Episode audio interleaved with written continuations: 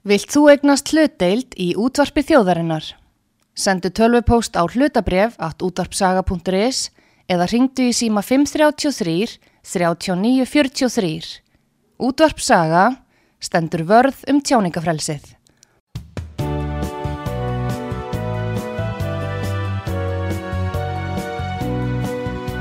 Sýteðis útvarpið á útvarpisögu í umsjón Arnþróðar Karlsdóttur.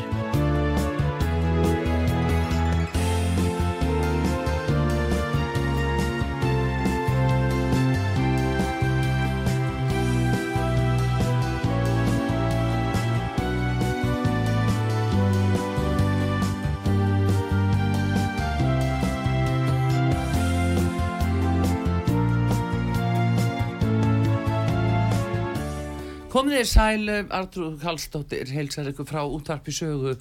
Hér eru mættir þeir Pétur Gulluðsson og Guðbjörn Guðbjörnsson stjórnsvíslu fræðingur og við ætlum að ræða um svona eldstu málinn sem eru núna uppi í dag í þjóðfélaginu og mikið rætt um það eru þetta ákveðin krísa innan ríkistjórnarinnar, tala jafnvel um stjórnakreppu en uh, síðan er það auðvitað málefni grindvikinga sem að flesti býð eftir að heyra einhver uh, lausnar orð á og uh, það eru auðvitað vantröstilan sem er búið að leggja núna inn í þingið að halvu flokksfólksins þeir eru búin að leggja fram þessa vantröstilugu og hún er á hendur Svandísi Svavastóttur matfalar á þeirra en uh, við ætlum að ræða þetta og síðan uh, líka núna umræðina um hatursorræðu á stjórnmálamönnum og samkvæmt nýjustu fréttum á vísi þá er búið að kæra til öðruglu ummæli einhverja ráðamanna.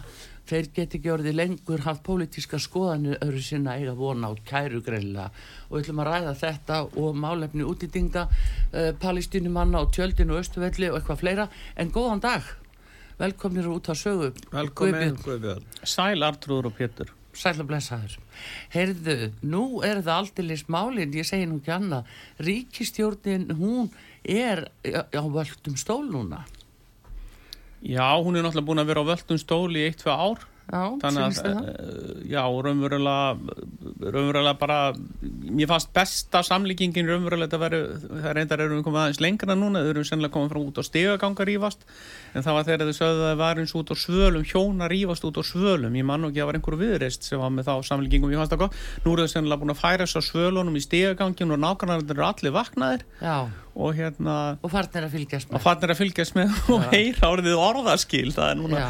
þetta var nú bara svona í byrjun var þetta bara innan íbúðurinnar svona háaði og læti en síðan fór þetta svalir og nú er þetta komið í stegagangin og nú býðum við bara út á, eftir slagsmálum út á hlaði út á, út á bílhlaðinu Já, Já, en ef við tökum til dæmis þetta kvalveiðimál og uh, til að byrja með að þá uh, liggur fyrir hérna álit umbósmanns mm -hmm. á það ekki að duga?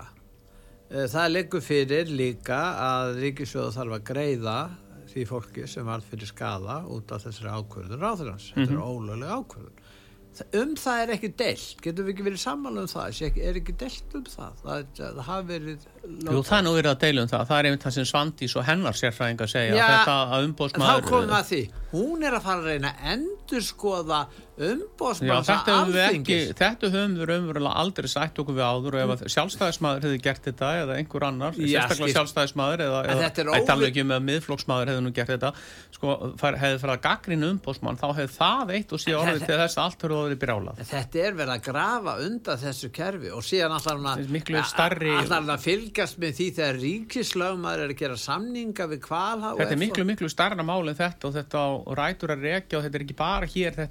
vesturlöndum, þetta er umverulega svona, það er umverulega má segja að það sé komið svona ákveðnir brestir bara í líðræðið sem fyrirbæri á vesturlöndum og mér finnst þetta að hafa ágerst á undanförnum 15-20 árum og, og, og, og að þetta, ég fann svona í kringu hruni þá náttúrulega voru ákveðin hlutir að gerast þar sem þurft að grípa inn í og kröfu hafan og það sem, sem stjórnmálum þurftu virkilega að standa í lappirna já, já. og það sem þurftu ofta að gera eins og með neyðarlaugin og annað. Þau voru samþygt já, já, já, ég veit þau voru samþygt laugin en ég er að segja að það þurfti þá stjórnmálum sem stóði í lappirnar og gerði og tóku og, svo, og svo hefur hef fólk verið að vilja nota þetta bara á allt milli heimis og jarðar núna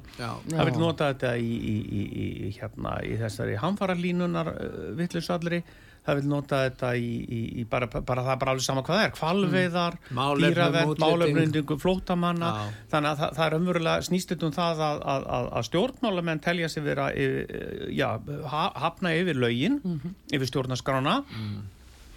og þegar þetta fara að gerast ekki bara Íslandi heldur um víða á Vesturlöndu, við sjáum þetta líka svona, þetta er svona ákveðin þó ég veit að ekki allir samála verið svona ákveðin trömpísk eða líðskrumaranleg umræðu, við sjáum þetta líka í Ungverjalandi, við sjáum þetta í Pólandi við sjáum frú Merkel sem er nú talin svo allra best af öllum góðum í, af, af góðafólkinu mm. hún bröð stjórnarskrána þegar hún, hún rúað inn eh, rúlega miljóna fólki skilur til Þýskalands, þannig að þetta er ekki bara einhverju populistar í Austur-Európu, í Pólandi og Ungverjalandi, mm. þetta eru líka góðafólki þetta er, þetta er hérna Boris, þetta er, þetta er, Trump, mm. þannig að þetta er bara einhver, einhver, einhver vírus eins og, eins og korona vírusin sem hefur breyðst út að, að stjórnmálamenn telja sig hafna við lögin þeir telja sig ekki þurfa að fara til stjórnarskráða lögum. Þetta er gríðarlega hættulegt.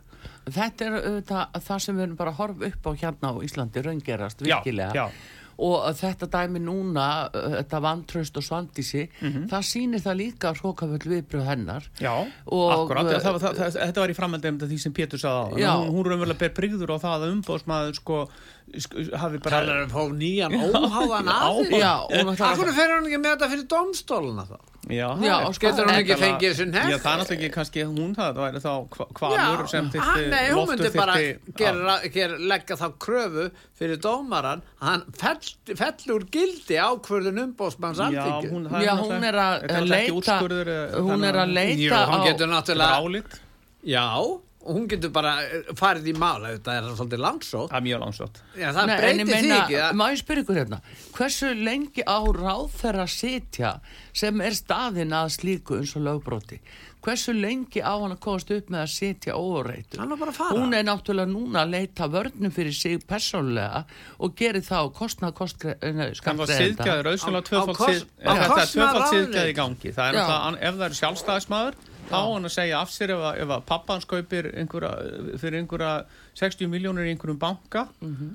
og, en ef það er, ef það er, ef það er, ef það er komi eða kommunisti þá mm. getur hann skapað ábyrði hérna, skadabóta kröfu upp á miljardaskiluru fyrir skattborgara það gildi alltaf, alltaf að mælist ykkur fyrir kommunista heldur en fyrir sjálfstæðis Sigrir Andersen vildi koma með, með reg, reglur og aðgerðir til þess að stemma stígu við ströybi Hlóta, og þá er henni sagt já, já. og hver var síðasta manneskinn sem tala um það? Jón Gunnarsson, Jón Gunnarsson Jóni Gunnarsson var líka bóluður ennbætti á já, hann að vísu fekk upp alveg ekki nei, það sama, það sko. var alveg það var þrýstingur það var ákveðin þrýstingur ég ánað með hana. Og, já, en það er mjög, mjög ánað með hana hérna, ég ætla líka að vitna aðeins í vísi sem segir frá því núna að þeir eru að tala við að hafa eftir Birgi Ármasinni fórsetta þingsins mhm og þá segir hann sko ólíklegt að umræður og atkvæðagreislum vandrastilugu í gard matfælar á þeirra fari fram sérstaklega samdægus og það er mjög skrítið þeir eiga að taka fyrir samdægus þegar svona kemur upp vegna að hver dagur telur sem að að ráð þeirra sem hefur brotið lög og e, er jáfnvel ekki með meiri hlut að fylgi þingsins bara út af þingræðinu, hann á ekkit að vera aðtapna sig í einu ráðunæti Já það er ekkit að rannsaka þetta neitt fyrir ykkar þetta er ekki eins og sakamál. Nei, ekki, þetta líkur bara fyrir. Ég er ekki lögfræðingur, ég er stjórnsýslufræðingur ég sé ekki að, að það þurfi eitthvað að skoða álit, álit umbósmanns líkur fyrir. Já. og hún náttúrulega þarf að, og, og ég meina það er náttúrulega alþingist ef, ef, ef, ef að ráður hefur framur á lögbrót sem alla líkur rá mm -hmm. þá ánáttúrulega að taka þetta fyrir strax í semmalöður, þetta er bara eitthvað sem, að, sem að, hefur alltaf verið gert eftir því sem ég best veit. En uh, það er líka spurningin á hverju er uh, verið að reyna að þrýsta á yngu sæland og flokk fólksins að leggja þetta ekki fram? Það er sko, það er opbóslega ræðslega í gangi Ég er nú ekki sammála alveg því því að það er náttúrulega margir í stjórnar anstöðinu bæði viðreist og, og, og, og fleiri búin að lýsa því að þeir ætla að styðja þetta sem sagt og, þingmenn sjálfstæðisflokksins Mm. líka einhverjir hafa talað allavega verið mjög lónir Já, í máli hvað þetta var á. Þannig að ég er nú ekki alveg sammála því að þetta sé svona verið eitthvað að reyna að þakka þetta niður. Ég vil nú ekki vera með neina samsæriskenningur kringu það. Það er engin samsæðiskenning það er náttúrulega, það er engin samsæðiskenning nefnilega, vegna þess að, að það virðist, uh, sko, menn er svo rætti við það að tillagan hún uh, verði meiri hluta af Ég því sem að hluti sjálfstæðismanna munist uh, Já, ég er sammálaður í þessu. Og, og ég held hins vegar að, að það sé verið að nú eru menn raunverulega væntalega semju bak við tjöldin Já. um það hvað á að Já. gera og það er ekkit óeðlilegt í líðræði stjórnfélagi að ríkistjórnarflokkin hittist og Mm. Eða, eða þeir sem eru þar í forsvari og, og ræði saman og, og spyrir hvort það sé einhver bara fót að, að, nú viti þeir þeirra væntalega hefur þetta verið rætt á þingflokksfundi hvað í Já. morgun eða ekki, eða var hann í gærkvöldi ja, þingflokksfundur núna Sjálfstæðisflokksins. Já, þeirra, Þeir hafa væntalega rætt þetta og þá hafa náttúrulega verið kannað svona hver stöðningur sé við Svandi sem væntalega heyra þá að kannski helmingur eða eitt þriði að að allar ekki að stýða ríkistjórnina. Þannig að þá vita er nokkur neginn þeir vita síðan að ríkistjórnar eða stjórnar anstæða mun alveg náttúrulega örugla vera á móti Svandi í síðan þannig að þá er náttúrulega orðið mjög knaft að, að hún standist vantröstilu Já, en eitt er hann að mála ef við lítum á bara þegar Þeir eru máli búin að kom telja þetta út það er það En er þeir að ekki að þegar reyna að fá kom upp í- í- stjórnarnanstöðuna til að setja hjá? Er þeir ekki ábyggilega að vinna í því? Já, þegar, málið kom upp þannig fyrir að sumar þá vantaði nú ekki yfirlýsingar frá mörgum sjálfstæðismönnum. Teitur Björn já. Einarsson talaði manna hæst og ymsir aðrir Já, já. höfðu mjög sterkar skoðanir að þetta væri og þingflokksformaðurinn þá já, varandi já, já, Óli það- Björn. Þannig að það var ekki hægt að líða þetta. Nei, ég held að þeir meini þetta alveg. Já, En þetta er náttúrulega samt svo að þegar þú ert í stjórnmálaflokki og í þingflokki þá náttúrulega þá náttúrulega getur ekki bara hagað þér eins og þú sért bara einstaklingur sem, sem þú, ert náttúrulega í einhverjum stjórnmálaflokki þú ert, ert, ert, verður líka að vera ábyrgur. En, Já, já. en, en núna finnst mér þetta verður bara, þegar þetta snýst um lögbrot þá erum við raunverulega komin svona miklu lengra en þetta sko, heldur en í fyrra sömar, við getum Já. ekki alveg lí- líkt því saman, það má raunverulega segja það. Já, já, eins og var beðið eftir uh, álitinu varandi Bjarna. Þetta er miklu verið álit Þetta er miklu alvarlega alvarlega heldur en nokkuð tíma Því þarna var tjón. Já, já, Það var uh, sko tjón Já, já. sem að að baka ríkinu vóta ábyrg já, já Já, Það er í Bjarna, uh, hann var ekki að leka þessi pappa sinni eða eitthvað svoleið, sko, það var ekki Það var þetta ekki tjón í máli björn Bæði var ekki Nei, tjónin, hitt líka hann var ekki, hafði ekki beina áhrif á þann Bjarni, það var hverki sanna, þannig að þetta er umlega algjörlega og eðlis, bara Já, en sjáðu- ólík. Það sem þú ert að tala um þegar að Bjarni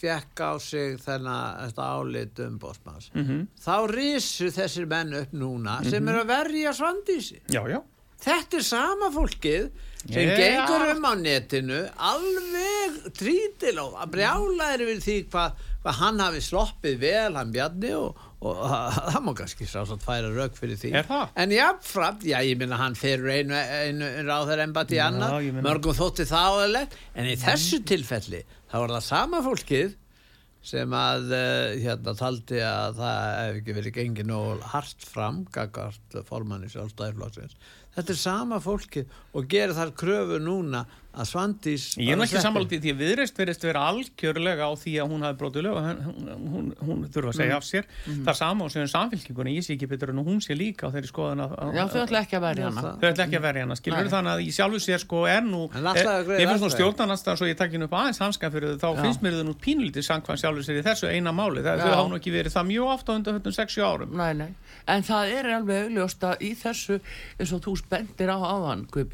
hafa nú ekki verið það mjög ofta undan 6-7 árum Nei, nei, en það alveg augljóst að og þannig er sko tvöfalt síkjaði, já, algjörlega. já. Og, það er ekki bara í þessu, það er, í einligi, það, er, það, það er bara mjög víða að sjá það í gangi Já, að við sjáum það til dæmis að það nú tala mikið um sko, já, að við hefum nú að vera í þessu norræna samstarfi og, og það sé svo mikilvægt og við séum Mhm. og til Norðurlandana líkar og- þjóðir, Já, horfa en, til en, en Norðurlandana og allt útlendingamálum við ekki gera það Nei, en líka ekki í þessum málum Akkúrat. málum Akkúrat. vegna þess að sjáðu hvað er að gerast til dæmis í Nóri núna Já, já. bara hver ráþrönna fætur öðrum Og Danmörku undan. já, og Danmörku undan þeir eru bara teknir segja þér, gjör svo vel, segja þér strax sko, Já, já. bara samdægus minnsti vafi og þú segir af þér já. og það áttu líka endur komu í pólitík líka ef, að- það reynist að ekki okkur reist akkurat Þannig ég er sammálaðir en, en, en það virðist bara vera þegar það hendar þá förum við eftir Norðurlundunum þau og horfum við Norðurlundun þegar það hendar ekki. Nú þá, þá veit ég eiginlega ekki hverju Nei, þá, þá er eitthvað hvað, sér íslensk sko þetta hins vegar helst í hendur við alla spillingu. Að þegar sko siðferðið er á þessu plani, þetta er í lægi verðist vera á hæstu hæðum þá getur fólk komist upp með þetta. Þá er það svo Já, stutt þessu. að spillingin fær að grassera. Já, er- og menn eru farin að líta á það sem sjálfsagðan hlut. Ægi þetta er nú smá spilling En það er núna. samt sem aður, við horfum á það upp úr og niður úr að ásakanir í blöðum og, og fjölmiðlum almennt bara á litla, litla embætismannin sem er bara kveð upp einhvern úrskurð eða eitthvað Mm. hvort sem er útlendingastofnun eða, eða annar staðar í öðrum stofnunum ríkisins. Það ráðist á hann með offórsi á svipum nótum en ef það er ráð þeirra, menn verðast ekki gera sér grein fyrir því að ráð þeirra er bæði stjórnmálumæður og embætismann Já. já, já, En, en akkurat menn með ekki gleyma því að það, hann er embætsmaður líka og hann á að, hann á að fara til stjórnarskar, hann á að fara lögum. já, já. Þannig að, og meðan við erum með þetta, þetta kerfi eins og það er, sem, sem er, er á Norðurlöndunum líka og víðar, Já. og Þískalandi og mm. mjög mörgur ríkjum, þar sem að ráþeirar eru nú yfirleitt af þinginu, þá náttúrulega má segja að, að hérna, að þá verðum við að gera þá kröfu ef að við komum til brítur lög, þá verðum, er hann embættismadur og sem embættismadur getur maður ekki brotið lög. nei, nei. Ég er embættismadur, já, skipað, og ef ég er staðin að lögbroti sem er alvarlegt, nú þá er að bara víkja með frá það er bara lögum og bara starfsmenn. Já, já, Já. Þá, þá, þá, þá, fer ég fyrst á hálfum og svo er ég mér algjörlega uh, vikið úr embætti. Þannig ég þekki þessi lög mjög vel og þessi, þetta náttúrulega gildi beint og óbeint líka um ráþeir eins og aðra. Mm. En sem stjórnmálamaður getur auðvitað ráþeir að vera mýmsa skoðanir en hann getur ekki sagt sig frá stjórnarskrá og lögum. nei. Og þetta finnst mér það alvarlega í málun og þetta finnst mér einhvern veginn ekki hafi verið rætt nú mikið, þetta er ekki bara eitthvað brot á meðalhósreglu eða lögumætisreglu eða eitthvað þetta er brot raunverulega gegn líðræðinu og Já. gegn því líðræðis fyrirkomulagi til Nú, stjórn ekki gleyma, og, og þetta, er- valdnýsla Þetta er valdnýsla og þetta er, er ákveð brot gegn stjórnskipun landsins Já, já, sem, sem er gríðalega Já, alvarlegt. Það finnst mér verða alvarlegst í þessu. Ekki ef einhverjum verður hálft á svellinu í einhverju meðalhósreglu og segja já, hún var nú aðeins svona, já, þetta var, hún hefði nú geta gripið til aðeins vægari úrræði eða eitthvað svolítið. Ég þekki þetta mjög vel. Því ég er að vinna eftir stjórn sístu lögum frá mótnandi kvölds, dag. Og hérna, veist, og, og, og, og, og sitt sínist hverjum varðandi embættismenn almennt, hvort þessi að, að sinna meðalhófunu nógu vel eða lögmættisreglu öðru. En þegar það eru ljóst þegar umbúðsmaður segir að það standist ekki skoðun að það hefur um lögbrótara þá verðum bara að hlýða því. Já, já, En, en, þessi afstafa ráðherrans hefur líka áhrif bara á ef hann kalla það stjórnmála menninguna eða stjórnmála ómenninguna. Já. Það er að segja að það verður til þess að það opna fyrir eh, þá sem eru kannski heldur óvandaðri stjórnmálamenn en hinnir að fara þessa leiðir. Já, og fólk sem er hóta stjórnlind fólk sem er stjórnlind, fólk sem er öfgafólk Já. Fólk sem telur að það já, jú, svona jú, einhver, einhverjar öfgar Já, ég einhverjar meina að það er bara, við vitum alveg auðvitað er náttúrulega öfga fólk í stjórnmálum, Já, bæði til hægur og vinstri, er jafnvel í þessu tilfelli dýravendar fólk. Já, já, Já. það er tal og þá erum við raunverulega komin inn á það sem ég ætlaði sem, sem við skipta svo mjög mála, það sem ég byrjaði að tala um áðan, það er það að að tilgangurinn helgar meðalið og þá, þegar tilgangurinn helgar meðalið þá getum við bara vikið úr uh, gildi, þá bara þá, þá bara, þá bara víkur stjórnarskráin. Þá víkja lögin, af því að það er einhver dýravenduna sjóna með flóttamanna sjóna með einhver umhverju sjóna með eitthvað þá gilda bara ekki stjórnarskráin og, og, og líðræðið það er það sem er búið að reyna að halda fram í máli matvælar á þeirra af því að hún átti og mátti gera hvað sem henni síndist Út af háleitari markmiðum, hún er með og út af háleitari einhverjum markmið, sem já. að, að voru sko á móti akkúrat. þá var þetta bara í lægi Já, já. skilur við, óháð einhverju En lögum. sem að við varum með einhvern matvælar á þeirra sem bara er vegan? Já. og myndi bara telja það að bara mætti ekki drepa dýr og hún telji bara, bara, bara almennt lög um dýra vend séu það bara þessi, þessi sjónum við bara vega svo þung að við þurfum raunverulega að Já, ég kannski ekki hætta kjötneislu en það þarf að taka öll slátrúslandsist í gaggjara endur skoðuna, það þarf að taka sko veist, fjósin og þú veist, það þarf að taka bara alla, allan pakka, er það að fatta hvað þið er að fara? Já, já, og hvað, hvað hefur hún þá mikið völd í þessum efnum, þannig að þetta, þetta er sko þannig erum við bara að færa okkur, þetta er svona slipper í slóp, ég veit ekki hvað það heitir á Jú, jú. þetta er svona slipper í slóp sem við erum að fara niður í þessum efnum. Og þetta, þetta er það sem ég var að tala um á síðan 15-20 árum að það virðist vera hægt að þetta er eitthvað sem gerðist á milli 1920 er umverulega fyrr, bara strax bara rúsnænska byltingin. Við skulum bara og þetta er það sem hann var, var taka að tala um einfa- hann, var sakaður um það að hann hafi verið hálf fullur á leiklaborðinu, Ríðstjórin sem ég er ekki sammála. Ég les nú allar hans fórustu greinar ég les allar fórustu greinar og allar greinar, ég les móka spjaldan á milli á degi hverjum. Mhm. og hérna það er það sem hann er að tala um bolsjevíkana og hvernig, hvernig sko við höfum verið umverulega, það er ekki skrítið þó, þó, þó Davíð grípið til þessara líkinga, samlíkinga, því að við erum kannski ekki komin á sama stað, ég myndi að segja, það verður náttúrulega algjör þrugl, en við erum komin á þennan, þessa slóð sem er hans hættuleg. En má ég Já, þetta er líkingamál í rauninni. Já, þetta er líkingamál, ég er að tala Já, um kommunist og nazist og já. Já, fasista, við erum að tala um og, og það er, uh, það er ekkert uh, óæðilegt en það er svo viðkvæmt greinilega. Það er svo megi ekki tala um þetta. Nei, það má ekki ræða pólitík, við sjáum það náttúrulega þessari síðustu kæru sem kom fram Já. í dag. Já, hattusóra hérna kærunni Þetta er að- bara orðið að- galið, að pólitíkus að geta ekki rætt pólitík. Nei. og þetta er náttúrulega orðið, já, þetta er bara fullkomlega galið Þetta er bara alveg fullkomlega algjör algjör út í getum og þannig að þetta er út af því að, að, að ég vil meina þá, ég sagði það í fastlíkjara að, að þeir get ekki var, að stjórnmálmenn hafa heldur ekki var, sjálfstæðismennir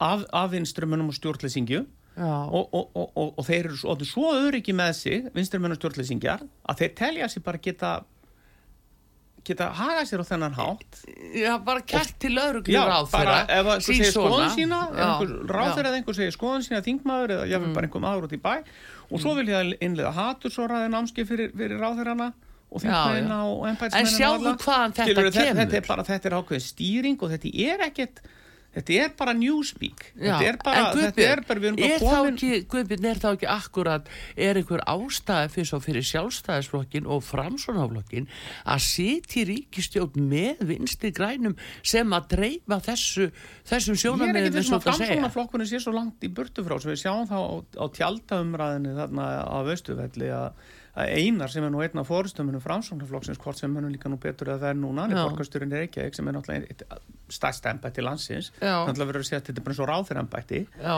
og hann er þarna með ákvæmna skoðanir um að, að, að, að hann vil stækka tjaldborginu eða eitthvað. En hann sagði að það er ekki bara spurning hvort að þetta fólk fóða mótmála vantilega þurfa að geta þá þessar hút, hútar þarna komið þarna líka með mótmálaborg hugsanlega, kannski ekki Ísis en, Hispolla kannski líka. Já. þannig að við þurfum að stækka tjaldborginu á Austuvelli hugsanlega. Já, já. Veist, við þurfum ekki, þannig að hann segir að það þurfa fleiri Sko, að fá að setja upp tjöld þarna. En Guðbjörn, sko, það er að, ég er aðeins að, stílfæra þetta, ég er svona aðeins að slá að létta það, en, þarna finnst mér bara framsókn verið að fara að taka miklu leitu undir bara eins og þeir gera svo oft eða halda eitthvað sér vinsælt þeir sjá 76% styðja hérna, eru, eru, eru, eru styðja gýðingatur og þá búið auðvitað stökkum við á gýðingatursvagnin Já, þetta, er, Já. þetta er nú yfirleitt kallað populismi Já, en, en- en, en, sko, nei, en í sambandi við þetta og hann einar borgarstjóra hann, eh, styður hat- hann talar um sko, hann miskilur hann miskilur stjórnarskráru ákvæði hann talar til máli og segir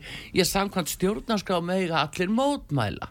En það er hins vegar sko, það er alveg rétt. En það sem hann skilur ekki í því felst ekki að þú megi tjálta á austuvelli Nei, það er það er nefnilega af því að það er Reykjavíkur. Já, já.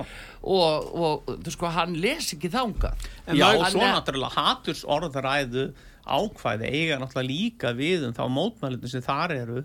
Nældu betur og ég það menn er ekki bara um Nei, sem eru hægri sinnaðir. Það gildi náttúrulega alveg sko, ég meina ef, þú horfir á þessi mótmæli þessi spjöld sem hafa verið sínd í fjölmiðlum sko, uh, við munum vera hér áfram við munum berjast, við munum ekki gefast upp. Við munum berjast á austuvelli að það, komin, það er fólk sem er frá svæði þar sem er styrjöld í gangi þar sem, sem eru hriðjverkamenn og þeir séast alltaf berjast og eru með þessi skilt upp á Íslandi. Það hlýtur að vera eitthvað sem að lauruglan þarf væntilega að skoða. Hvað eru skilabóðið því? ég, ég myndi segja það, ég myndi Já. segja það ef ég væri lauruglum sem ég einu sinni var í tvö ár og ég nú ennþá í þe- svona lögkæslu ég, ég myndi segja sko það- ef ég sæði svona spjald sem lauruglum þá myndi ég segja hérna ég verið að taka mynda þessu. Hverjir er þetta, hverjir var með spjaldið? Hvað á hann við með þessu? Þið Og voru- heyrðu, við tökum þess að dæmi fyrst þú segir þetta. Já. þessi ummæli sem menn láta frá sér Já. bæði eins og inn á Facebook ofinbeglega, það er Mhm. ofinbeg vettókur og ásamt því að vera með það að- í myndbyrtingum og annað með rifla í höndunum. Já, og uh, síðan uh, gera sér líklega til þess að gera eitthvað slíkt Það er um það. það er ekkert verið að gera neitt og einu aðtöðasemdir við þá. En svo voru teknir tveir drengir hér í svo kölluðu hriðjuverkamáli að þeir voru lokaðir inn í gæsluvarðhaldi mánuðum saman af því að þeir höfðu verið að tala saman sín í milli sem að uppgutast í raun og veru með því að hlera síma þeirra. Annar þeirra var að sleppa út úr gæsluvarðhaldi og uh, bölva lauruglinu segist alltaf sprengja allt í loft upp og einhvern ráð þeirra og eru Þetta grafa alveg þess að þarna gerðist þessir ungu menn við alltaf það sem Já, gerðu en, það er að bera, já, en ég er að Það var, þeir voru síknaðir í, í Já, ég voru síknaðir Já. en ekki kannski Það er búið að Já, já, ég veit þessu það, þetta er samt sem til, ára að mín lands- skoðan það þurfum við þetta að skoða með það þurfum líka að fylgjast með hæraaukamönnum en við þurfum líka að fylgjast með, með, með, með, með hérna, uh, íslamistum. Við þurfum að fylgjast að með uh, umhverfisaukamönnum við þurfum að fylgjast með kommunistum sem eru saman, sko við þurfum um að fylgjast með allir í flórunni. Já, en, það ef við erum vera að tala um enga samtöl fólks sem er ekki byrt ofinbellega og það lýsir bara einhverju Já, já. pólitísku en varandi hana hérna matvælar á þeirran Já. ef við komum inn að samlíkingu sem á við, nú eru leiða fóstureyðingar á Íslandi mm. -hmm. gerur áfyrir að komi heilbriðis á þeirra sem eru á móti fóstureyðingu Mhm. Já, og þá myndi mjög- hann, já, hann myndi segja það Já, ég meina lífið er meira vildi Já. heldur en einhver, einhver, einhver, einhver einhver laga löggjöf, tilbúningur einhver úrelt hjá nokkrum fem, feministum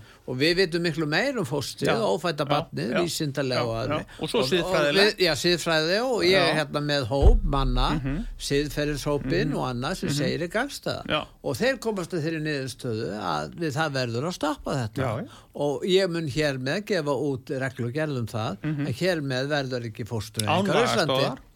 Já, sko, það er bara okkar mat, skilur já. og líka ákveðna Og það annað- er annað sem- bíddu, já. Þetta á algjörlega Hvað heldur þú, Guðbjörn að, að matvælar á þeirra myndi gera ef að þessi hlutur gerist upp heldur að hún myndi sætta sig við það og segja já, það er náttúrulega við komandi helbriðsári er í pólitík og skiljanlegt að hann gerir þetta skilur hvað er að segja? Sko, hræsnin er svo gífuleg í þessu máli Sko það er annað eitt sko, mér finnst alltaf lægja svandi sem með þessu skoðanir að því að mér finnst það bara, það er bara líðræðislegt hún má það er vera bara með hvað hún skoðanir getur hún ekki veit brotið hvað, hún má sko. bara hún getur bara, þú veist hún getur keft sér resastóra sundlu og hatt kval út í sundlöginni hjá svo gett bara alla hluti sem hún veit. Mér er persónulega alveg, persónulega alveg saman hún getur ættleitt kvali og, og þú veist og, og, og, og, og, og þú veist þetta er ekki mitt vandamál. En við erum ákveðið kerfi sem er algjörlega sem, sem ég held alltaf að væri algjörlega óumdeilt og það er það að stjórnarskrónur aðeins svo komur lög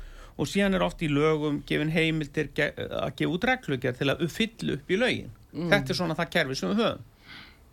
Þetta er auðsjálega bara finnst ráþeira ekki eiga við um sig. Ráþeira sem finnst þetta ekki eiga við um sig hún á að víkja það er bara óskup einfalt, það er ekki takt hana þetta, þetta er óskup einfalt.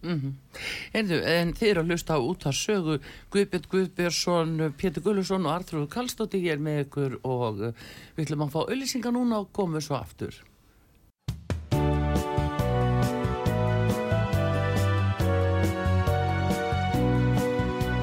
Síðdeðis útvarpið á útvarpi sögu í umsjón Arnþróðar Karlsdóttur.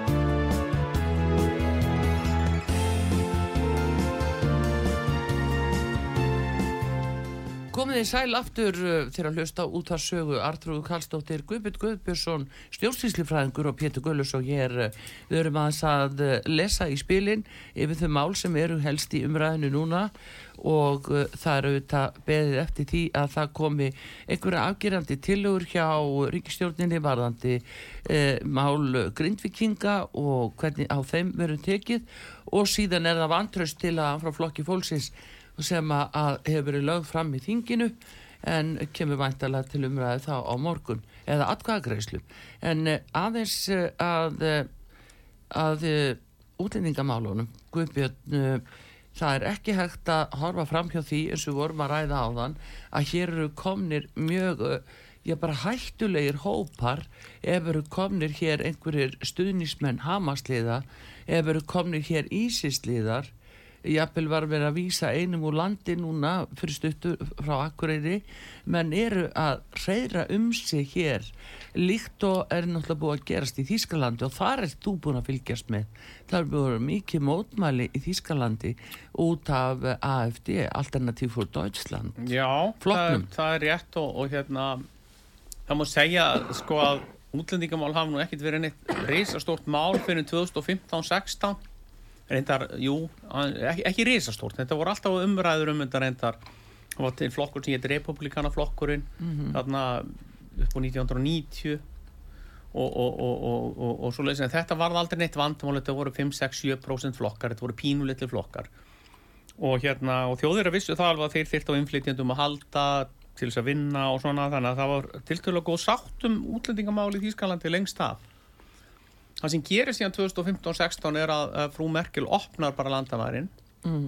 öfugt við, við öll önnu ríki Evrópu nema kannski Svíþjóð Já. því öll önnu ríki voru náttúrulega freka á Varbergi og hérna sérstaklega Östur-Evrósku ríkin og það var búin að kræmandi óanæði mjög lengi innan kristilegra demokrata, sétíu og síðastu mm. mjög lengi og hérna að því að íhaldsarmurinn eða svona kristili íhaldsarmurinn hún er fannst uh, hún er fannst frú Merkel hafa fært stjórn, stjórnmálinn öll höfðu fært í vinstri og kristili demokrater voru elda það fylgi Já. þannig að það kom, þetta, þetta var ákvæmningu sem var búin að vera uppi lengi, bara svipa á hér mm -hmm. þetta er ekkert ólíkt á hér og víða annar staði, Danmörk og víða það sem, sem hægri flokkar hafi verið að minga það sem gerist næst er að, að það er stofnaður þessi AFD-flokkur mm -hmm.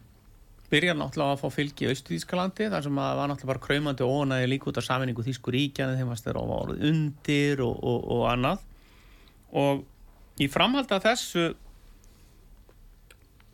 þessari opnun landamarana og bara svo staðrind að frú Merkel brautur um stjórnarskrána með þessu, hún hafði ekki heimil til þess að gera þetta, spurði ekki þingið eða, eða neitt og hún hafði ekki heimil til þess að til þess að, til raunverulega að, að, leipa fólki bara inn. Það er, það er lög, það er útlendingalög, það er gildi bara eins og hér. Mm -hmm. þá ógstum ásmei, þeir, þeir raunverulega bara fóru því að vera bara 3-4-5% í 10% þeir voru lengi vel bara í 10% það sem við gerst á undanfjöndum tveimur árum er að flottumannaströmmurinn hefur aukist. Náttúrulega ekki bara að það kom þetta Sýrlandstríð síðan kom Úkrænustríð og komu Líbia Já, Líbíja, þetta er fullt, já, Afganistan, Afganistan. þeir tókuðu einhverjum 30, 40, 50 úrst afgönum líka þarna mm. þegar þeir fóru út úr Afganistan sem hefur verið að... Sútan og Jemen er að koma líka. Sútan og Jemen, þetta er, alveg, þetta er, þetta er endalöst. Mm. Þetta er miljóna síðslun ári, ég var með að lesa í veld í morgun viðtal við hérna fórstjóra hérna Frontex landamærastofnunum sem sagði að það verður ekki ráði neitt við neitt og það er ekki takt að gera við þessu. Mm. Og þegar fórstjóri landamærastofnunir í Evrópu segir að það sé ekki þetta stjórna þessu. Þá náttúrulega er þessi þá erum við að hlusta á það. Ég er eitthvað ekki sammálunum en það er annar mál. En hérna þetta verður umvöldið þess að þeir eru búin að tvöfald á einu árið fylgisitt eða rúmlega ári, kannski einu og halvu ári AFD og eru komin í 23% þar sé að fjóruði hver þjóðveri er að kjósa AFD mm -hmm. Í Austuðískalandi eru þeir komin í 30-35% þar er að þriðji hver er að kjósa á þar og þeir eru stæðst, langstæðst mm -hmm. flokkurinn í Austuðískalandi. Nú er þeir að sækja fylgi í vesturlöðan. Já, svo er þeir að sækja eh, fylgi og eru með á landsvísu 23% mm -hmm. og hérna og það sem er kannski ástæðan fyrir því að nú eru þeir mjög töðu ekkert, sérstaklega sósjaldemokrater og kommunistar til linke að því að Sara Wagenknecht, doktor Sara, Wagenknecht sem er uh, kommunisti eða sósílisti, hún er nú engin Svo komið. nýr kommunist Já, ég er að tala um hana, þessi Já. Wagenknecht eh, flokkur.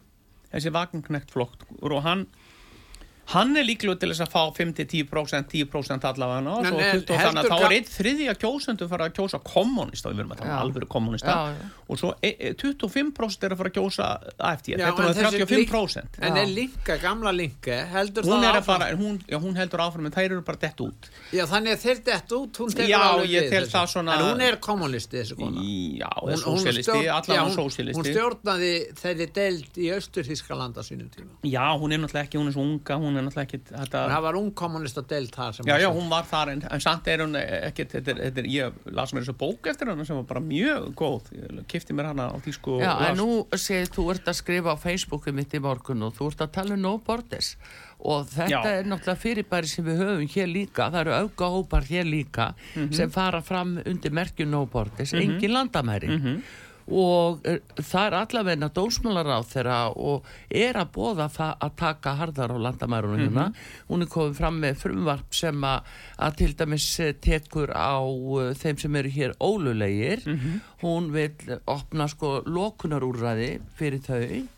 Þannig að, að það er alveg, og það er núna vona á tveimur öðrum frumvöppum frá henni, þannig að hún er verulega að taka á þessu. Þetta er náttúrulega eitthvað sem Jón Gunnarsson var búin að undirbúa og, og kynna? Þessar, þessar, þessar brottfararbúðir eða hvað, ég man ekki hvað þetta var Á kallað lokunarbúðir. Já,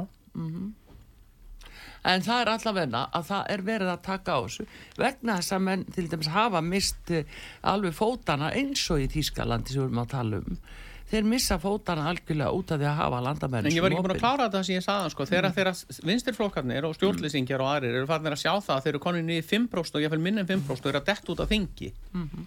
þá er bara eitt að gera og það er það sem þessi flokkar vilja gera í, í Þýskaland í dag. Þeir vilja bara banna samkeppni. Þeir vilja bara banna AFD, ég vil banna kommunistarnir líka.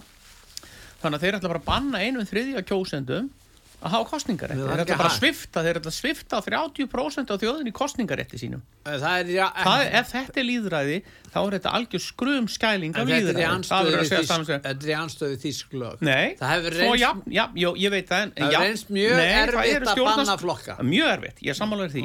Það hefur samt verið gert Nasistaflokkurinn var eðlilega bannaður eftir setni heimstyrjuna Kommunistaflokkurinn var bannaði 52 1952 og kommunistarnir voru bannaði 1956 Já. Þetta var sérst verið gert að sinnum Og Það var í hérna, kaldastriðinu. já, Já.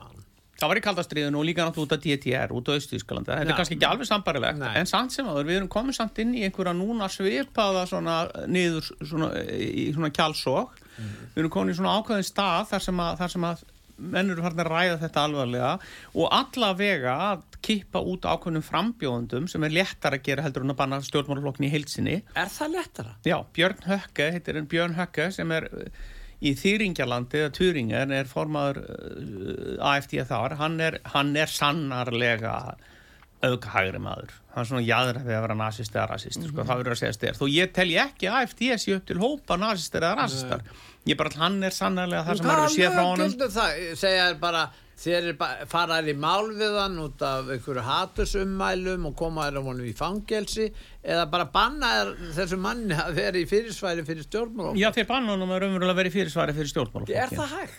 Já, það verðist vera hægt og, og, og hérna það er það sem eh, lögfræðingar helda fram. Það er miklu erfiðar að fá flokkin sjálfan bannaðan. Það er virkilega erfitt og það tekur þrjú til fimm ár þannig að það er ekkert að það fara að gerast á næstunni. Það sem ég er umverulega að segja er að það sem vorum að ræða um svandísi áðan ég er ekki að bera þetta saman en þetta er samt sem að ára mörgluti sambarilegt er að mönnum finnst núna réttlætanlegt að grípa til þess að ráður getur sagt lög, lög stjórnarskrá eigi ekki við, þetta eru gamalt og úreld eh, ef að vinstri flokkar og stjórnlýsingar eru komnir í vörn gagvart einhverjum hægri öfgaflokkum sem þeir sannarlega eru, ég ætla ekki að gera lítið úr því, þá er þetta leifa bara svifta 25-35% kjósenda atkvæðasrétti sínum Þetta er álíka eins og við heyrðum þetta svolítið líka hérna, ég man að ég las þetta einhvers tíma þar sem þingmenn og, og, og stjórnmálumenn voru að krefast þess að miðflokkurinn er rekin af þingi þegar að í, í, í, eftir klaustusmáli, munið ekki eftir þessu? Já. og það reka þingmennina, átti bara að svifta á bara þingsætinu fyrir þetta. Og hérna þannig að það er svo stutt í stjórnlendið. Það er svo stutt í, í, í bara virkilega ég vil kalla þetta bara hálf fasískar eða nasískar sko, skoðanir. Eða raunverulega sko, svona, algjör, algjört bara við erum að tala þarna um bara ofbeldi. Já, að það er tala svo um, óbeistlað. já, þetta er bara svipað eins og bara var í Sovjetríkjónum eða, eða, eða, eða Kína eða, eða Rú- þar sem að, þar sem að sko, við, við, við, við erum stu vera og við sáum þetta í ég er að segja þetta aftur og aftur og aftur að samarendar en þetta sáum við svolítið í COVID. Það, það, það svona var tekið, þegar líðræði var tekið úr sambandi í COVID og, og, og, og þetta er svo hættulegt. Ég veit að það er margir sem er að tala um þetta. Ég, ég meina að ég er ekkit að segja að það hafi ekki verið nöðsynlegt í COVID að gera ímislegt og það þurfti í, í slíkum aðstæðum þarf að gera ímislegt en þegar þú byrjar að fykta við líðræðið þegar þú byrjar að fykta við það að, að, að fara ekki eftir lögum þegar þú fyrir að afnema uh, þegar þú, þegar þú fer að ferðafrelsi uh, þá, þá, þá og þú byrjar að fykta í þessum grunngildum. En það er það sem er verið að gera það er það sem gerðist Því í COVID og, og, og, og, og menn vildu gera í, í, í hruninu og menn vildu gera með, eftir klustursmálið þá erum við komin aftur það sem ég var ræðið hennan slipir í slóp. Þá erum við orðið hættulega mér er svo skrítið að, að stjórnmálafræðingar skul ekki ræða þetta að þeir skul ekki sjá hættuna þarna. Ég sé hættuna, ég sé hættu á hægri öfgaflokkum. En ég sé líka hættuna á íslamistum, ég sé hættuna á vinstri eh, öfgahópum umhverfisöfgahópum. Og svo sé ég hættun á góða fólkinu góðu fólki sem telur að það sé hægt að afnema líðræði eða ákveðna hluta líðræðisins af því að það er svo góðu málstæður tilgangurinn helgar meðalir og þannig erum við virkilega komin á þann stað að- og þannig erum við aftur komin á sandísi henni fannst bara að því að málstæðurinn var svo góður tilgangurinn helgar meðalir bara kvalir eru svo aðeinslega dýr og hún myndi helst vilja hafa það bara sem gæludýr ég held að hún vildi, skilur þá er þetta bara orðið þannig að, að, að, að eins og þú fórst að tala um fóstureyðingarnar aðan þannig erum við bara komin á mjög hættulegan stað og ég þess að hvetja alþingi til þess að styðja vantröstilu á Svandísis Fástóttur En- það en hlýtur að vera við fljótum við segjum á þýsku verið den anfengen eða nývíra segjum við í- þýskalda aldrei aftur. Bregðumst Já. við strax frá byrjun Já, segjum við. það er líka, það og þá, verður við verðum staðar að- núna að setja ákveðin, að, gefa merkjum það að ráðherra má ekki brjóta lögin. En það verður líka, það verður Já. líka að koma fram hjá stjórnmála elitunni, hjá stjórnmálastjettinni Og að hún fjalli með svona málefnilega um stjórnmál. Mhm. Og þegar hún hættir að gera það þegar menn fara að gera alls konar samninga við aðra, þú Mhm. fær þetta, ég fæ hitt það er nú alltaf í gangi, veistu það Jú, nei, tökum- Pétur, tökum þetta verður aldrei að uppræta þetta Nei, nei, svona- þú miskilur mig, þú miskilur Já, mig, ok. þú miskilur mig. Það er ég er að taka sér dæmi.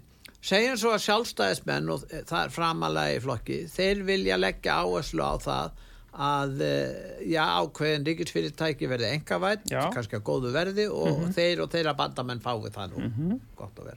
Til þess að ná þessu fram þá þurfur að semja við VFG. já, já, og Og þá segir VFG, þá vill kallast VFG? Já, nei Við þá getum kallað þetta hrossakaup líka, við getum kallað þetta líka nei, þá vill VFG fá eitthvað sem gæti verið andliðræðislegt og það til dæmis Ok, þeir já, það, það er það sem þeir gerist Já, og ok. Mhm. það er mynd gerist í þessu máli ég býst við þegar Svandís hefði getað hugsað sér við erum búin að leifa eh, Bjarna að selja Íslandsbank og svona. Nú viljum við spjarga kvölunum skilur við, eða auka og þeir eru líka fóstureyðingar sem hún vill eitthvað og, svo og Svandís hefur náttúrulega sé fylgið hrinja Já. á AFG, þannig að hún er að reyna að hýfa þau upp Já, núna og þetta er og mjög vinsælt með þessa fólk Já, hjá- það að þetta já, fólk er ákveðnu Al- tegund af fólki, já, það er bara, það, ég hugsa, ég hugsa VFG eftir að fá, ef, ef, ef það núna verður samþykkt vandrast á VFG Já. Á Svandísi, þá mun þau rjúk upp í fylgi En þess vegna í framhald að þessu segja, sko, þegar að menn eru komnir Mhm. út fyrir þetta, svona málefnalega umræð um líðræði, við erum Mhm. með samileg mál sem þarf að taka á og menn ræða þau, bæði þjóðina og Mhm. ofinbelega, en þegar að farður út í þetta sem ég var að lýsa, og það er farið að færast mjög í vöxt, og það er það sem við erum að sjá, Ég vil ekki, ég, samt sko, ég get ekki alveg tekið undir þetta hjá þau Pétur af því að það er ekkit óægulegt að það sé einhverja málamiðlanir í gangi Jú, að það séu samningar, það gerir ríkistjórn gerir er að ríkistjórn það. sáttmála og menn er að að- sam, ég- ég gef þetta, þú fær að þetta þetta er bara eins og maður stjórnar bæði fyrirtækjum og stopnunum ég er ekki að lýsa yfir anstöðu almennt við málamiðlan Ok, Það- ok. þú- ekki sitja þetta svona. ég er að setja þetta svona að þetta var svolítið svona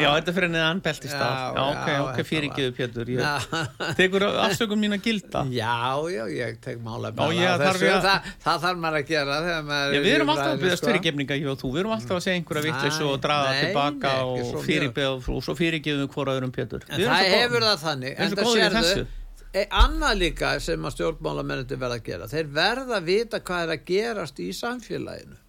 Já. og þeir verða að skilja það til dæmis varðandi grindavíkumálið það sem að einkenni grindavíkumálið er þetta að, og margir grindvíkingar hafa sagt sem voru á sem fundum daginn og hafa fylgst með þessu máli það er að stjórnmálamennandi skilja ekki þetta mál. Þeir skilja ekki þá stöðu sem að grindvíkingar eru í. Nei, nei, og, og það, er, það, það er vandamáli hjá stjórnmálamenn þegar stjórnmálamenn eru hættir að skilja almenning farnir að, að, að, að, að eiga einhverjum hrossakaupum Mhm. með pólitíska anstæð og nýta sér völd sín til þess til að græða líka samt þegar að þetta er að Já. gerast í okkar samfélagi líðræði þá þarf enga ekki alternativ fyrir Deutschland til að eðilegja það. Nei. það er búið að en ég eðilegja er að segja það Pétur að það, við skulum gefa stjórnmálamennunum líka tækifæri til þess að bregðast við. Það er að koma einhverja núna tilugur um það hvað á að gera í Grindavík. Ef ekki að býða hans, það er náttúrulega kannski eðlilegt að stjórnmálamenn get ekki hlaupið upp til hand og fóta svo að við ætlum að kaupa allar Nú, regnir alveg við- há en vitið ef vitið ekki- ekki að hvernig ekki má ég- ekki svara þessu Arnþrúður, málið er það það er ákveðin undibúningur í gangi út af þessu Ég máli. full á samu grindvíku, mátt ekki glemma að ég er söðuna sem Já, ég bý í já, njárvík það, sko. það er ekki að snýst ekki um já, það. þjóðin stendur með grindvíkinu það, það og er ég ekki nóg bara að segja En það það og þarf að gefa líka það. stjórnvöldum tækifæri til þess að sjá hvað er að þróast, Já, hlusta á vísindamennina, en þeir- hvað verður að... Já, já. þeir eru að undibúa máli með ákveðnum hætti. Og það er það sem maður sér. Mhm, og fylgist með. Og þar kemur álitskeið frá landsbankanum og hún hefur áhyggjur að fara að vera svo leið mhm, að láta að kaupa þá út. Mhm. að þá verður það til að auka, hækka verða fasteignum og auka verðbólguna. Þetta er það sem hún hefur áhyggjur. Nú fjármálaráðran sjálfur er með grein í morgunblæðinu í sunnundarsblæði mokka svona þar sem hún vísar í Jóhannes Nordal uh, fyrirvændi seðlabókastjóra í bók æ, sjálfsæfi sögu hans þar sem að hann er mitt greini frá því að viðbrögðin við uh, hérna, Vestmanniða góðsunni 73 hafi meðal annars átt þátt í því að auka verðbólku og, og það er þetta sem vinist vera, menn er að segja ef við förum þess að leið að kaupa Grindavík út þá fá þeir þetta mikla pening í hendur og þá geta þeir ástafað þeim hér á markaði og það mun leiða til verðbólku þess vegna verðum við kannski að finna einhverja aðra leið. Það er þetta sem ég er að tala um. Þú ert að tala um það að býða eftir niðurstöðinu ég held að þeir séu undirbúa og, og, og, og þess vegna eru þeir að skrifa greinar um það. Þeir eru í raun og veru að vinna undirbúningsvinnu sem gerir hugsanlega ráð ekkert fyrir því að það verði ekki farið Ég- að Mér því. finnst bara ekki óæðilegt við þetta. Mér finnst ekkit, ég hef ekkit sétið þessa Það er fyrsta lagi náttúrulega að vera að býja til því hvað vísindamennir myndu segja, það var verið að skoða sprungurna, hvað er ganga langt. Síðan gís þarna náttúrulega inn á Grindavík. Mér finnst menn hafa farið frekar varlega í þessu öllu saman. Eh, Svo er spurning náttúrulega líka bara ætlum við að, ætlum við að, að hérna erum við kannski að ganga langt, það er hins jónamenn sem koma fram frá ymsum grindvikingum að þeir segja bara að, að það sé að stjórnvöld hafi gengið á langt í að stoppa atvinnustar sem er og annað og að leifa fólk ekki í örugur hlutum bæjarins að búa þar bara áfram uh, núna eftir, eftir skilur að hleypa fólkinu ekki aftur heim til sín. Það eru svo mörg sjónamið upp í svona, það er ekkert skrítið þó að taka einhverja vikur að finna einhverja lausn á svona málviti, það er stort mál að það er ekkert óðilegt við það. Nei, nei, það, ég held að það sé nú alveg rétt, en hérna, ég vil bara segja ykkur að þegar blamanafundur sem byrjaði núna áðan, ég er en þar er að koma fram sko að frá fórsættisáþra og fjármálaráþra, það eru lofarð um að taka óvissu grindvikinga í fangið, Mhm. eins og það heitir. Lofarð um að taka óvissu þeirra í fangið. Væntanlega eh, að leysa vandamálið með, með því að kaupa þá eignir af þeim sem vilja selja eitthvað slíkt kilur eins og hefur verið rætt um á undarfötnu dögum. gera þeim kleift að koma sér upp örugu heimili, tryggja öruga aðkomu og aðstofið að bjarga verðmætt. Já, já. Það er kannski ekki hins vegar sagt einlinis að kaupa eignir en að koma upp heimili. mér finnst þetta bara, Er, finnst er, ekki er, er það því að ríkið er að fara að kaupa eignir til að leia grindvíkingum eða... Mér finnst að mér þætti, sko, ég við verðum að gefa stjórnmálamennunum tækifæri á að búa til einhverja lausnir skoða málið með sínum sérfræðingum bæði efnagslegt vandamál sem það- komið á það- svona. það það er ekki hægt að æða upp til hand og það, fóta það, það, hver- það þarf að fylgjast með því frá er uppæði það bara- þarf að fylgjast með því frá, í uppæði því að ef við gerum það ekki og með undirbúningni þá bara góðan við þetta þá bara tekjum ákvörðun og þá bara verður ekki aftur snúið það er þannig sem er, Já, ég er skil hérna þig á alveg, ég, Pétur, en ég, ég er bara ekki sammálaði að það, ég, og ég hef fulla samú með grindvikingum, en það er ekkert skrítið þú að taka einhverja dag og vikur að komast að niðurstöðu í þessum auðvitað málum. er það, liggur það í augum Alveg. uppi en þá er spurningum hvert er stefna og, og fyrst eru farin að skrifa svona og láti ljós þessa skoð ég spyr að hverju, að hverju fjallaðir ekki endilega, að hverju fjallaðir um þetta með þessum hætti? Já, ég þekki það ekki. En uh, það er allavega Við sjáum þá eftir, ég Það er hins að vegar sko ríkistjórnin er nú búin að hafa talsverðan tíma til þess að undirbúa sig.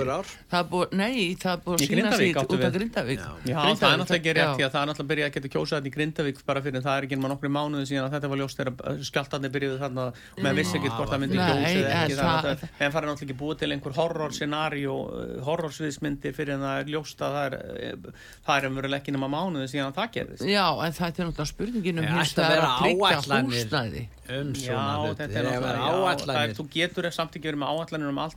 er um Nei, um þetta er er, um alltaf Nei, þetta er, 100%, þetta er bara- náttúrulega svæði Nú er stóðum við verðmætt. stjórnsýslan samt sko þó við værum ekki öll að búa til áallanir alveg baka fyrir við erum öll að mögulega ómögulega hlut Við erum að tala um áallanir út af hérna, hættu á uh, hérna, hættu náttúru Já, ég er sammálaður í því en ég menna það, það er bara, það var ekki hlustað á ég menna, ég, ég er nú bara í leðsugu skólanum eins og ég var búin að segja ykkur frá því og, og kennari með það, Jóhann Ísak hann sagði það að þessar sprungur til þessi Grindavík, það er það hann sagði þegar, þetta er maður sem er á áttræðisaldri hann sagði þegar ég var í jarfræðin á mig upp á 1970 þá var búið kortleggja allar þessar sprungur þarna við Grindavík og, og Reykjanesinu þannig að sunnöveru, þannig að í rauninni sko, er, ætti þetta ekki að koma nokkrum mann óvart?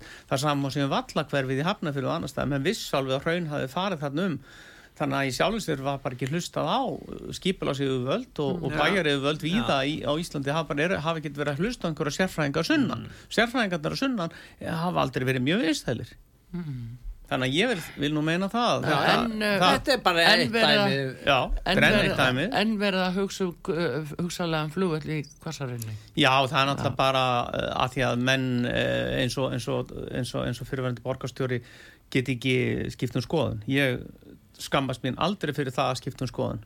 Nei, Ef, ef, ef aðstæði breytast eins og til þess í ESB-málunum þar sem ég var nú, vildi nú ekkit æða inn á skiptum skónum en ég var, var, vildi klára aðalda við svo, að maður skiptum skoðun á 15-20 ára fresti, það er ekkert að því. En menn er Nei. náttúrulega alltaf að skipta um skoðun og öllum hlutum, það er annar mál. En þegar þú endur með stöðun út frá breytum forsendum og öðru og ég bara, nú er ég 60 uh, ég vonandi að ég eftir að lifa jafn lengi á mamma og jafn góða heilsu til 95 ára aldur svo getur vel verið, ég skipta aftur skoðun til dæmis svo ESB eða á einhverju öðru. Já. þú veist, við erum ekki það, það áður að vera þannig að stjórnmáluflokkur og stjórnmálumenn og fólk almennt á að geta skipt um skoðun í lífinu. En er ekki fólk að gera það og líka jú, mér finnst Já, það. mér finnst það ekki vera jafn mér finnst það ekki vera jafn og við sjáum það líka því við vorum að tala um þýsku stjórnmálun áðan að, að, að, að, að kristilegi demokrata voru konin í 20 og eitthvað prósent. 22-3 prósent voru konin núna í 30-35 prósent. Þeir voru komin eins langt niður og eins og sjálfstæðarflokkurinn núna. En þeir eru aftur búin að bæta við sér 50% fylgi. Þannig í sjálfu sér sko er ekki óeðlilegt að þjóðin skiptum skoðun og ég held að þessi, þessi Þeir fengu hjálp frá alternativ fyrir Deutschland. Já, Það má segja það. Ef Já, þeir hefði ekki komið hjálp. fram Já. þá er ekki víst að þeir hefði séð ástæði til þess að Nei, sennilega ekki, það er rétt hjá þér. Það er hár rétt hjá þér. Herðu, en þar með Það er ekki flokkur ljúka til á það. Þannig Eh, að það er spurningi hvað áhrif þetta hefur. Hvað segir þið? Hérna, Ég veit ekki hvað er maður að segja. Ég eru spennandi tíma sko. Mér finnst einhvern veginn mér, mér finnst ekki gaman þetta er svona, svona gaman svona mörguleiti mér finnst leiðilegi tímar eru skemmtilega bestu tímarnir. Ég man ég kom til Þýskalands 1986 og þá var Helmut Kohl kanslari og það var allt í blúsandi, það var alltaf 4-5% fagvöxtur og maður fikk ókipist tannviðgerðir og góð laun og verðlægi var lágt og vexti voru lágir og þetta var allt í rosalega flottu lagi vestu Ískaland, þetta var svo bara mikið, mikið útflutningur og, og almenn velmögun þjóðverðar að ferðast út um allan heim og voru leiðinda stjórnmál í gangi. Þar sem var ekkert spennand að gera. Og Kól saði það bara á opnum bara á ræðum ég stjórnmál eiga að vera leiðileg við hefum bara hlutverk okkar stjórnmálamann er bara að tryggja ykkur góðu kjör þannig að því hafið nóga peninga til þess að býta og brenna, kaupa ykkur hús eða, eða fara útlanda, kaupa matinn koma börnunum ykkur á, á, á, á hérna, til menta og hana það er hlutverk stjórnmálamanna. Ég myndi vilja hafa leiðilegri stjórnmál á Íslandi og á Vesturlöndum almennt. Ég myndi vilja fá svona bara jarðbundnari stjórnmál sem snúast um, um, um fólkið í landinu og snúast um fyrirtækin í landinu og snúast um uh, að bæta lífskjör og, og, og, og að fólk geti haft það þokkalegt. Þetta, þetta er umverulega og þetta, mér finnst stjórnmálmenn einhvern veginn hafa já, mér sjónar á þessu.